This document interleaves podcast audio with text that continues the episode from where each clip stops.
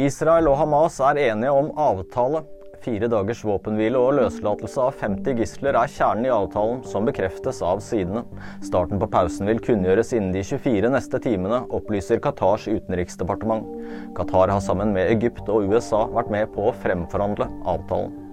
USAs president Joe Biden sier han er svært glad for at Israel og Hamas har inngått avtalen om løslatelse av gisler fra Gaza. Biden bekrefter at amerikanske gisler er ventet å bli løslatt som følge av dette, melder NTB.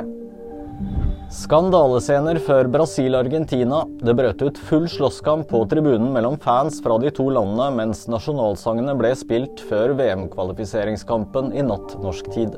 Kampen kom første gang en halv time på overtid. Argentina vant til slutt 1-0. Jeg heter Endre Alsa Knøsdal, og nyheter finner du alltid på VG.